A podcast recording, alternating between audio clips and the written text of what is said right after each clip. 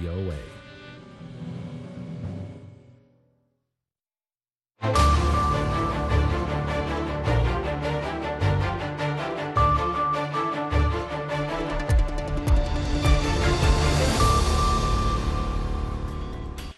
halkani waa washington lanta afka soomaaliga idaacadda v o a oo aad ka dhagaysanaysaan mawjadaha gaaggaaban efmiyada geeska afrika iyo caalamkao dhan oo aad nagala socotaan v o a somali com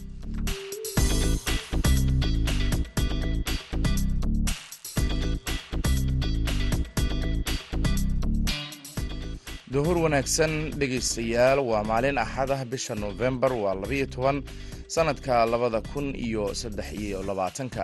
Afrikada bari saacaddu waxay tilmaamaysaa kowda iyo barka duhurnimo idaacadda duhurnimo ee v o a waxaa idinla socodsiinaya anigoo ah maxamed bashiir cabdiraxmaan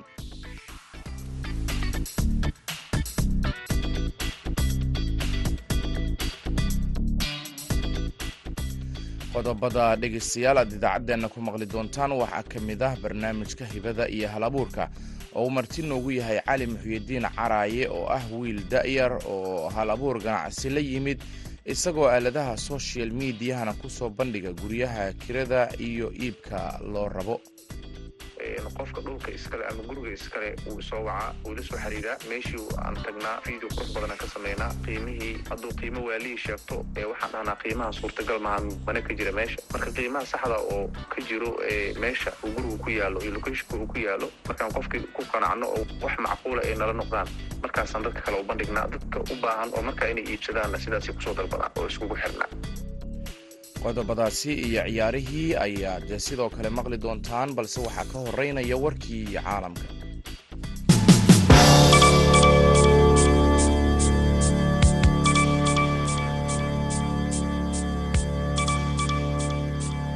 Dagaal culus oo u dhexeeya ciidamada israa'iil iyo xamaas ayaa axadda maanta ah kumanaan qof ku xanibay cisbitaalada khaza iyadoo dhakhaatiirta iyo shaqaalaha gargaarku ay ka digayaan in bukaanada ay ku dhiman doonaan xarumahan aadka u dhibaataysan haddii aan dagaalka la joojin. Haddii aan si deg deg ah dagaalka loo joojin dhiigga daadanaya xabajoojinna aan la samayn ama ugu yaraan aan bukaanada la daadgurayn. Cisbitaaladani waxay noqon doonaan goob ay meydadku buux dhaafiyaan ayaa ururka dhakhaatiirta aan xuduudda lahayn ee m s f oo uu ka digay axadda maanta ah cisbitaalka al-shifa ayaa dhowr jeer la duqeeyey sida ay sheegtay m s f waxaana ka mid ah qeybaha hooyada iyo bukaan socodka taasi oo keentay dhimasho dhaawac badan. Dhanka kale ra'iisul wasaaraha israa'iil benjamin netanyahu ayaa diiday fikradda ah in maamulka falastiin uu maamulo khaza marka uu dhammaado dagaalka israa'iil mowqifkaasi oo khilaafsan kan maamulka biden. Waxa uu shir jaraa-id sabtidii ka sheegay in habkani ama habkaasi mid ka duwan ay tahay in lagu maamulo sida uu hadalka u dhigay mar la weydiiyey haddii maamulka falastiin ee maamulo qeybo ka mid ah dhulka la haysto ee daanta galbeed ay la wareegaan maamulidda khaza dagaalka kadib xogayaha arrimaha dibadda ee maraykanka antony blinkan ayaa arbacadii soo bandhigay shuruudaha maamul ee khaza dagaalka kadib isagoo sheegay in ay maamulaan falastiiniyiinta oo khaza iyo daanta galbeedna ay ku madoobaan kana hoos shaqeeyaan maamulka falastiin afhayeenka aqalka wakiilada maraykanka mike johnson ayaa sabtidii daaha ka rogay qorshe ay xisbiga jamhuurigu ku doonayaan kharashaadka ama ku joojinayaan kharashaadka xukuumadda taasi oo loogu gol leeyahay in lagu baajiyo in shaqada hay'adaha dowladdu ay xirmaan toddobaad kadib balse tallaabadan ayaa si deg dega waxa uga soo horjeestay sharci dejiyaasha labada xisbi ee golaha wakiilada si ka duwan go'aamada sii wadista miisaaniyadda lagu bixiyo wakaaladaha federaalka muddo gaar ah. Qorshahan uu ku dhawaaqay johnson ayaa waxa uu maalgelin doonaa qeybo ka mid ah dowladda ilaa janaayo sagaal iyo tobankeeda iyo kuwo kale ilaa februari labadeeda. Aqalka jamhuuriga ayaa rajeynaya in qorshahan ay meel mariyaan talaadada. Aqalka wakiilada iyo kan senadka ay hogaamiyaan xisbiga dimuqraadigu waa inay ku heshiiyaan miisaaniyad uu madaxweyne joe biden saxiixi karo ilaa jimcaha ama waxa ay halis ugu jirtaa ama qeybaha dowladu shaqooyinka wakaaladaha dowladda federaalku ay halis ugu jiraan in ay xirmaan halkaasi oo malaayiin shaqaalo dowlad ahna ay shaqo la'aan noqon doonaan. Warkii dunidana dhegeystayaal waa naga inta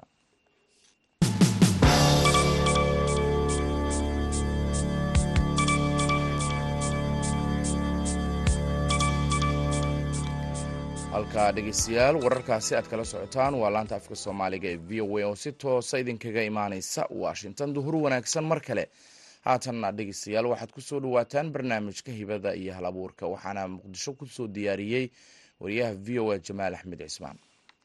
Kulanti wanaagsan dhegeystayaal ku soo dhawaada barnaamijka hibada iyo hal abuurka.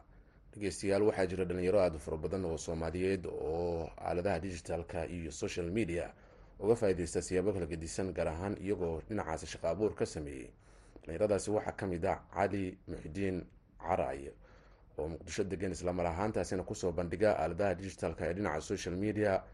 Suuqgeynta loo sameynayo guryaha kirada loo rabo kuwa la iibinayo iyo kuwa la dhisayo intaasiba waxaana uu sidoo kale sameeyaa in guryaha qaar ee u baahan dhismaha uu u soo bandhigo bulshada islamar ahaantaasina uu ka caawiyo in loo dhiso. Arrintaasi ayuu sheegay inay ku dhalatay muddo bilooyin ka hor islamar ahaantaasina ay u suuragelisay in noloshiisa iyo midda qoyskiisaba uu ku dabaro barnaamijka ayuu martiin noogu yahay waxaana cali muxudiin caraaye uu barnaamijka ku faahfaahin doonaa caqabadaha ay dhallinyarada la kulmaan iyo sida looga gudbi karayo gaar ahaan marka ay timaado dhinaca shaqa abuurka ay samaysanayaan. Wareyn waxaan weydiiyey bal inuu sharaxad naga siiyo howshan sida uu ku bilaabay. Waa mahadsan tahay jamaal dhalinyarada soomaaliyeed maanta oo ay tahay waqti ugu fiicnaa oo dunida ay digitaalka u guureyso aad bay uga faa'iideysan karaan gaar ahaan dhalinyarada soomaaliyeed. Sababtoo ah waddanka waxaa ka jiro shaqo la'aan baahsan. Laakiin haddana fursad kale oo digitaalka ka muuqataa jirto. Marka way ka faa'iideysan karaan tusaale anigoo kale waxaan uga faa'iideystaa inaan dadka bulshada ku gaarsiiyo adeegyada ay u baahan yihiin sida guryaha markii ay rabaan inay gurya u guuraan oo kale inay inaan ku gaarsiiyo guryaha bannaan si maxaa la lahaa bishaas oo kale u degaan. Sidoo kale dadka u baahan guryaha iibka ah oo kale ama dhulalka oo kale ayaa adeegyadaas iyo adeegyo kale oo ay ka mid tahay maxaa la yidhaahdaa dhismahoo kale qaybta dhismahoo kale inaan qayb dhismaha oo aan leenahoo kale inaan ku gaarsiino dhismada naqshadaha iyo dhismooyinka iyo tayooyinka aan hayno oo kale inaan fursadaas aan u gaarsiino. Waayahay adiga goormay kugu dhalatay fikirkan inaad dhinaca online-ka uga faa'iidaysato in bulshada aad gaarsiiso waxyaabaha ay u baahan yihiin adiguna aada shaqo aad ka dhigato. Waa mahadsan tahay waxay igu dhalatay kadib markii aan waddankayga u arkay inaan inaanaan ka bixin oo aanan ka tahriibin oo aan waddankayga aamino aana u arkay inay fursad taalo. Marka toddoba bilood ka horay ahayd maasha allah maantana waxaan dareemayaa inaan noqday qof isku filan waalidkayna maxaa la dhahaa iyo waalidiinta iyo asxaabteydana insha allah wax badan taray. Marka aadan uga faa'iidaystay waxayna ahayd toddoba bilood ka hor toddoba bilood ka hor ayaad bilowday bagekani bilan real estate. Marka waxaad isticmaashaa meeqa aaladood baad isticmaashaa hadeertaan oo oo aad ku soo bandhigtaa waxyaabaha aad haysid oo aad bulshada u soo bandhigtaa? Waxaan isticmaalaa laba aaladooda hadda ugu waaweyn. Waa aalada facebook iyo tiktok. Waana labada aaladood ee maanta loogu isticmaalka badan yahay. Marka imagine toddoba bilood ka hor oo bejijkaygaan eber ka bilaabay maanta waxaa ku xiran dad ka badan soddon kun baa ku xiran. Marka halkaas ayaan waxaan ku gaarsiiyaa adeegyada aan rabo inaan gaarsiiyo ayaga. Dadku marka sidee bay uga falceliyaan oo waxyaabaha aad soo bandhigtaan? Miyaa suuq ayaa loo helaa oo falcelin ayaad heshaa? Mise waxay qaadataa in maalmo dadka ay arkaan fariimahaaga iyo waxyaabaha aad bulshada u soo bandhigayso? Bal ka waran arrintaa waqtiyadii hore oo aan bilaabayey caqabado badanaan kala kulmay. Sidii inaan maxaa la dhahaa ay dadku maadaama wixii magacii oo cusbaa sidii ku aamini lahaayeen waxaan oo ay qaarkood u arkeen inay wax beena yihiin. Laakiin maanta oo ay toddoba bilood laga joogo waxaa ka faa'iidaystay dad badan oo aan u adeegnay oo gaar ahaan u badan dadka qurba joogta ah maadaama ay social mediaha iyo aaladda technolojiyada aada u isticmaalaan. Marka waa kaas. Dhalinyaro fara badan baa jirta oo shaqo la'aan ah oo qaarkood jaamacada ka baxay. Marka dhalinyarada iyaga ah maxaad kula talinaysaa oo aada u sheegaysaa? Aada umahadsan tahay jamaal dhalinyaradaas waxaan kula talin lahaa wadanka wadankooda inay inay intii ay shaqo ay shaqaalanimo ay inta badan ay isku mashquuli lahaayeen oo ay ka fikiri lahaayeen inay shaqaalo noqdaan. Inay hal abuurka hal abuurkan technolojiyadda maanta inay uga faa'iidaystaan inay hal abuur la imaadaan oo ay technolojiyaddan ka faa'iidaystaan. Ayaan kula talin lahaa aadaan umahadsan tahay waa tahay. Caraaye marka dhinaca kale laga hadlo dhalinyarada aada ku dhiirigelinayso inay ayagu shaqaystaan isla mar ahaantaasina ay fikrado la yimaadaan adigu ma waxa arrintaas aad ku salaynaysaa khibrad hore oo soo martay mise waa un talo aada u jeedinayso? Aada umahadsan tahay. Waa waxyaabo aan soo arkay oo aan waayo aragno ahaan u soo arkay sababtoo ah in ka badan toban sano ayaan u shaqaynayey mid kamida institutionada brivatka ee gaarka loo leeyahay taasoo aan ku dareemay in shaqaalnimadu ay qofka dhalinyarada ah aysan ay uga wanaagsan tahay inuu hal abuur la imaado. Marka toban sano kadib waxaan u arkay inaan hal abuur samaysto inay muhiim ii taha noloshayda oo aan horumar uga samayn karo bulshada iga dambayso iyo dadka iga dambaysana aan uga faa'iideyn karo. Waa tahay. Mar aan sii horeysay oon wada hadlayna waxaad ii sheegtay in aada sidoo kale jaamacad ka baxday heerkaaga waxbarashada haddaad nala wadaagto iyo markii hore waxaad samaysay iyo waxaad ku fikiraysay markaad jaamacadda dhiganaysay waa mahadsan tahay mar waxbarasho ahaan waxaan ka soo bilaabay xilligii ay wadanku uu aada burburka ugu jiray oo dagaaladii adkaa ee lagu jiray xilligii ethoobiyaanka marka xilligaas oo duruufaha adag aan wax ku soo bartay wadankana aana meel uga bixin. Kadib waxaan haddana galay mid ka mid a jaamacadaha markii wadanka lagu soo laabtay oo magaaladii dib loogu soo laabtay ceelasha laga soo laabtay. Isla jaamacaddii kadib waxaan diyaariyey shahaadada labaad ee masterka alxamdulilah maanta waxaan leeyahay hal abuur ganacsi oo ii shaqeeyey oo nolosheyda ku maareeyey oo haddana aan waaridkay iyo dad badan aan uga faa'iido ilaa afar qoys oo qoysaskayga kamida familikayga kamida aan nolosheyda aan uga ayagu ku maareeyo. Waa tahay. Marka mustaqbalka maxaad ka filanaysa oo aad ka rajaynaysaa fikraddan cusub ee aad la wadaagtay dhegeystayaasha hadda aada toddoba bil ka hor aasaastay. Maxaad rajaynaysaa mustaqbalka? Waa mahadsan tahay jamaal waxaa jiro dhalinyaro badan oo sida aniga hal abuurkan iga hor sameeyey laakiin waxaan aniga dareensanahay ee ah inaan beijka iyo ama hal abuurkan aan la imiday uu saameyntiisu aan dareemayo inay ayaga ay ama ka horeyso ama ay la mid tahay. Marka waxaan rajaynayaa inaan mustaqbalka uu noqdo hal abuur ugu wanaagsan oo hadda meesha uu joogo oo meel ka sii fog aan gaarsiiyo dad badan oo soomaaliyeed oo dhalinyaro ah oo iga dambeeyaan aan ayaga laftirkooda uga faa'iideeyo oo shaqalaana inay shaqo abuur ay u noqoto anigana ay ii noqoto maxaa la dhahaa meel aan ka faa'iido oo aan nolosheyda ugu maareeyo. Ma aaminsan tahay in haddii qofka maskaxdiisa uu shilo uu dhinaca internetka waxyaabo fara badan oo wanaagsan uu ku soo kordhin karayo uu kaga faa'iidaysan karayo. Iyadoo dhinaca kale ay jirto in caqabado iyo dhibaatooyin lagala kulmo oo la sheegayo in dhibaatooyin aada u fara badanna uu leeyahay dhinaca aaladda isticmaalka la isticmaalayo social media iyo internetka. Aada iyo aad waa aaminsanahay inay faa'iidooyin leedahay oo sida haddaba aan dareemayo caqabadaha iyo faa'iidada inay aniga faa'iida ahaan aan dareemayo inay ii badan tahay. Haddana waxaan arkay inay caqabado badan ay jiraan oo wax kasta oo faa'iida le caqabadooday wataan. Haddaan tusaale kuusoo qaato dadka aan la macaamilo oo ku xiran aaladda hal abuurkii aan la imaaday waxyaaba aan kala kulmay waxaa ka mid a in qaar badan oo ka mid a aysan adeegyadeeda markaan u bandhigo tusaale markaan idhaahdo gurigan oo intaasoo dabaq aad ka dhistay oo intaasoo malaayiin aad ku dhistay waxaan u baahanahay inaan quruxdiisa iyo kiradiisa ama iibkiisa aan u bandhigo bulshada kale inuu si kale ii arko oo ii fahmi waayo. Marka taasaa caqabad ah waxyaabaha caqabadaada ka mid tahay. Sidaas oo kale gurigii markii la geliyo waxaa laga yaabaa isla qofkii inuu isbedelo social ogolaa in la geliyo oo dadkii loo bandhigo oo bulshadii loo bandhigo inuu haddana si si kale u arko inay caqabad tahay. Marka caqabadahaas ayaa ka mid a waxyaaba aan kala kulmo.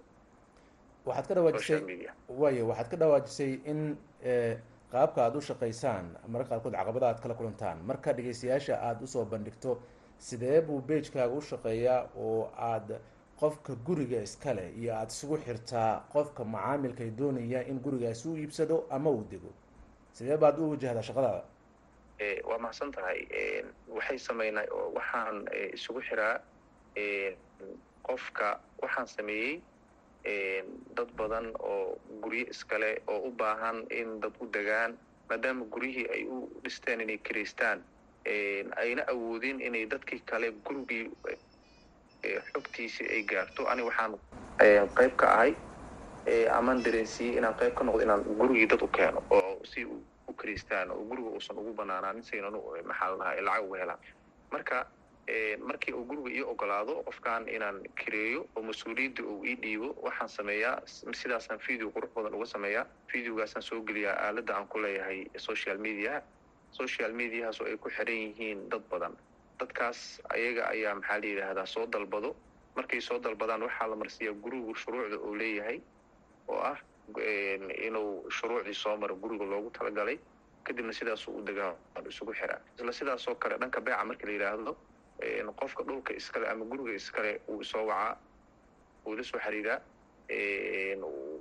waa meeshii aan tagnaa video qurux badanaan ka sameynaa qiimihii hadduu qiimo waalihii sheegto waxaan dhahnaa qiimaha suurtagal maha mana ka jira meesha marka qiimaha saxda oo ka jiro meesha uu gurigu ku yaalo iyo locationka uu ku yaalo markaan qofkii ku qanacno oo wax macquula ay nala noqdaan markaasaan dadka kale u bandhignaa dadka u baahan oo markaa inay iibsadaanna sidaasay ku soo dalbadaan oo iskugu xirnaa waxaad sidoo kale mar hore ka dhawaajisay inta waraysiga uu socday in kareen keliya iyo iibsasho keliya eedan ku koobneyne waa sidoo kale guryaha dhistaan. Arrintaa bal iyadana ka waran waa mahadsan tahay waa sax waddanka sida aad dareemayso wuxuu sameynayaa dhismo xawliyaha ka socda.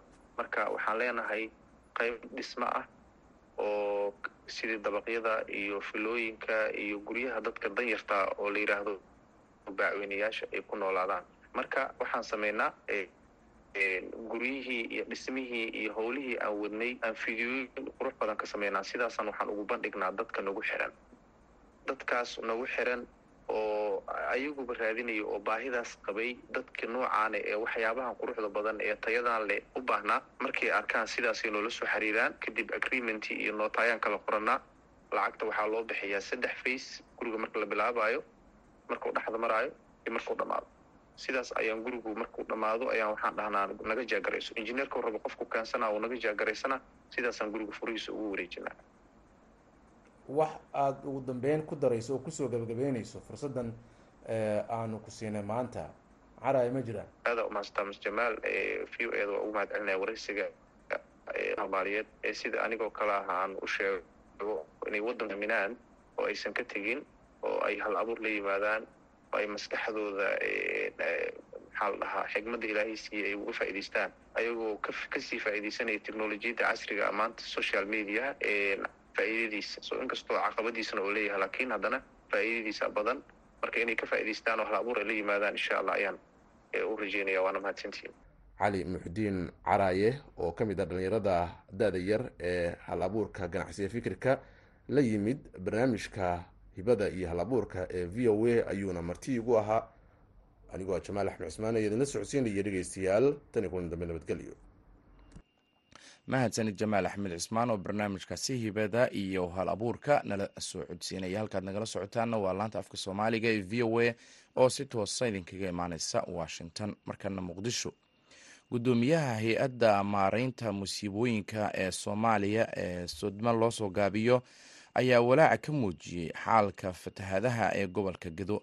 Magaalooyin ay ka mid tahay baar dheere ayaa waxaa ku go-doomay buundooyin halbowle uu ahaa bulshada khadka telefoonka ayuu ugu waramay sahre cabdi axmed guddoomiye maxamuud macalin cabdulle. Waa mahadsantaa sahro walaal khasaaraha ay geysatay dabcan dadka ay saamaysay ilaa hadda dad hal milyan ku dhow ayay saamaysay. Waxay runtii barakicisay dad nus milyan iyagana ku dhow. Dhimasho waxaa jirta ilaa iyo soddon iyo kow qofooda marka khasaare xooganay geysatay hanti badanaa ku burburtay ama ha naqato hantidii beeraha ama ha naqato hantidii guryaha. Marka khasaaro runtii lixaad leh oo ayay geysatay dabcanne welina cabsida wayna sii haysaa inay khasaaro intaa ka badan geysato. Waa hagaag.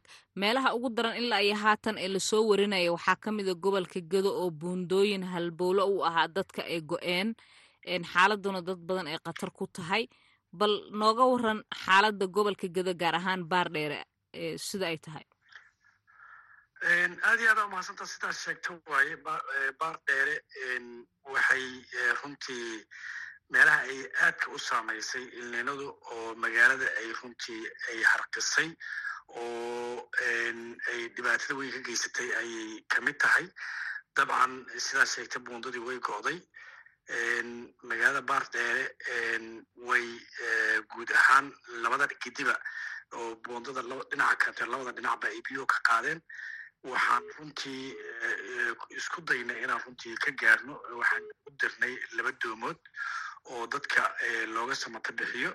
Dabcan way caawiyeen waana hadda lagu jiraa samata bixinta. Marka culeyskaasi ugu jira walaal magaalo dhowr boqol oo kun dad ah ay degan yihiin laba doomood oo laba dhinac loogu kala socdo. Wax badan kuma tarayso xaaladooda. Maxaad kalood u qaban kartaan ama aad u qabateen? Walaalay aad iyo aada umahadsan tahay runtii sidaas sheegtay culeyska jiro iyo dabcan dee waa dareemi kartaa tabarta ay dowladda soomaaliya ay runtii u heli karto xaaladaha noocan oo kalentooda oo runtii disaster aan ku talagelin oo minallahi ka yimid.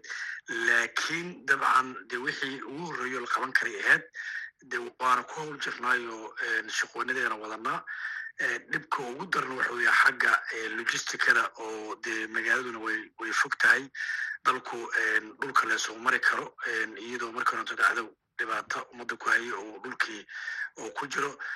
Iyo iyadoo haddaba ay roobabku aad iyo aad u xoogan yihiin.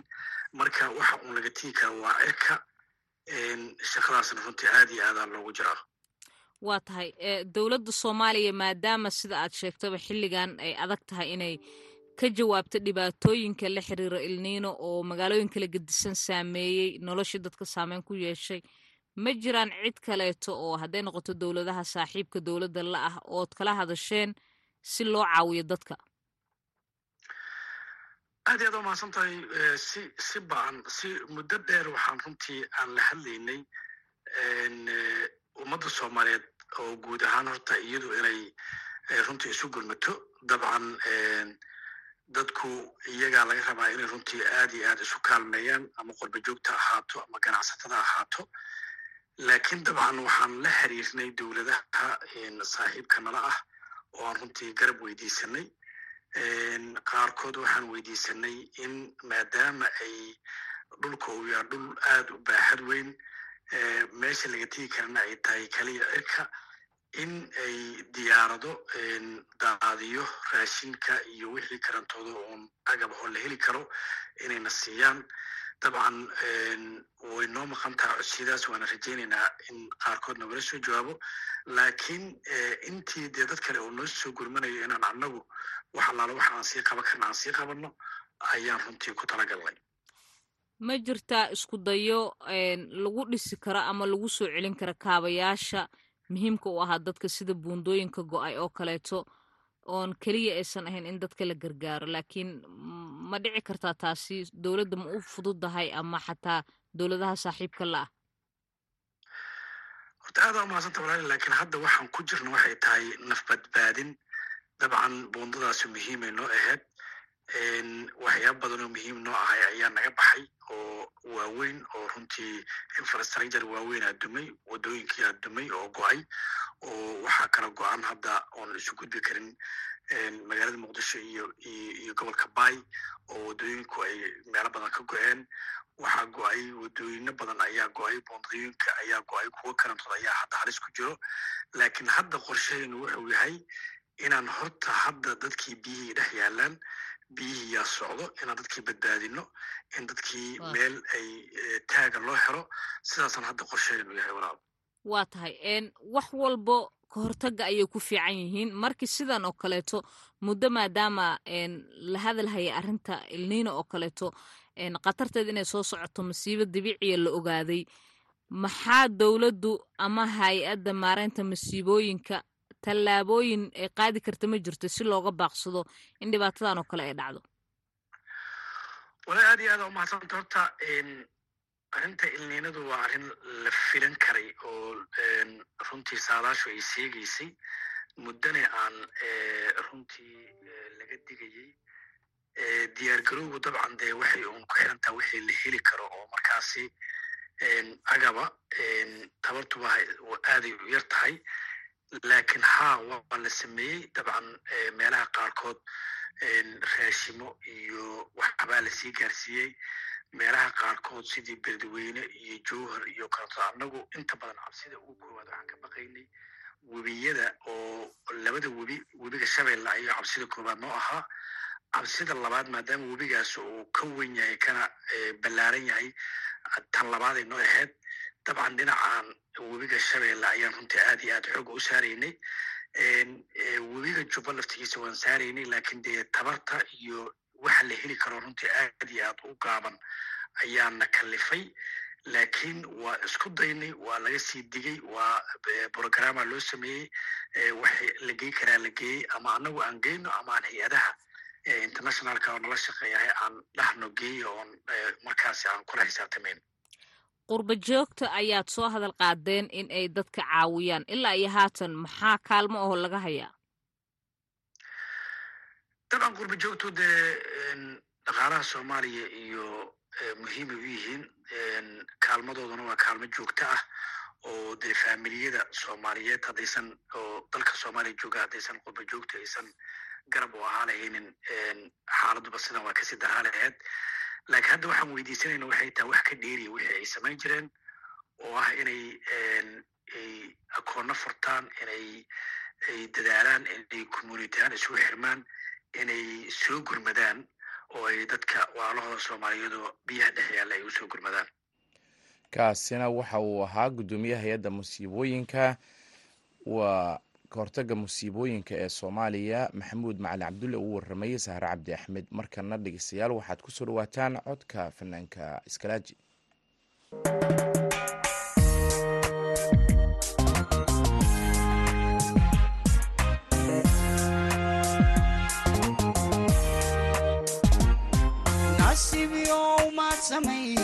markaa dadka nooca badan naqaysay tiri mid aha noloshu waxay tahay aqo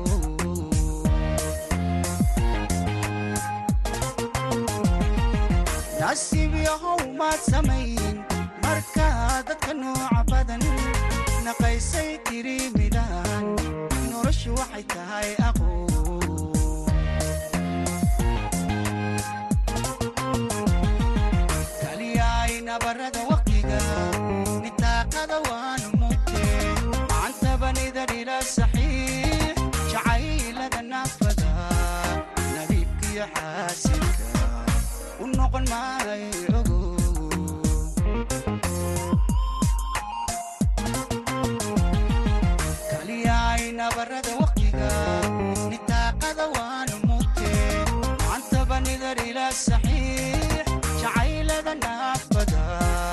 nabiibkiyo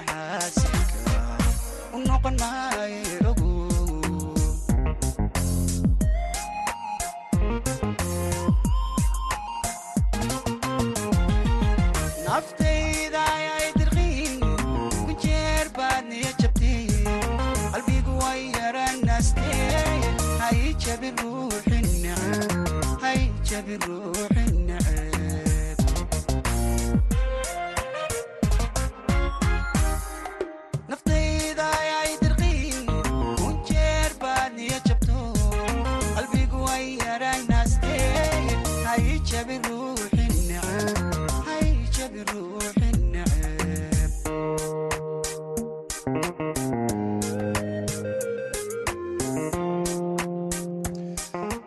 intaasina waxaan ku soo gabagabeynaynaa idaacaddii duhurnimo oo si toos idinkaga imaanaysay. Laanta afka soomaaliga ee v o a washington. Tan iyo kulanti dambe dhammaantiinba waxaan idin leenahay nabadgelyo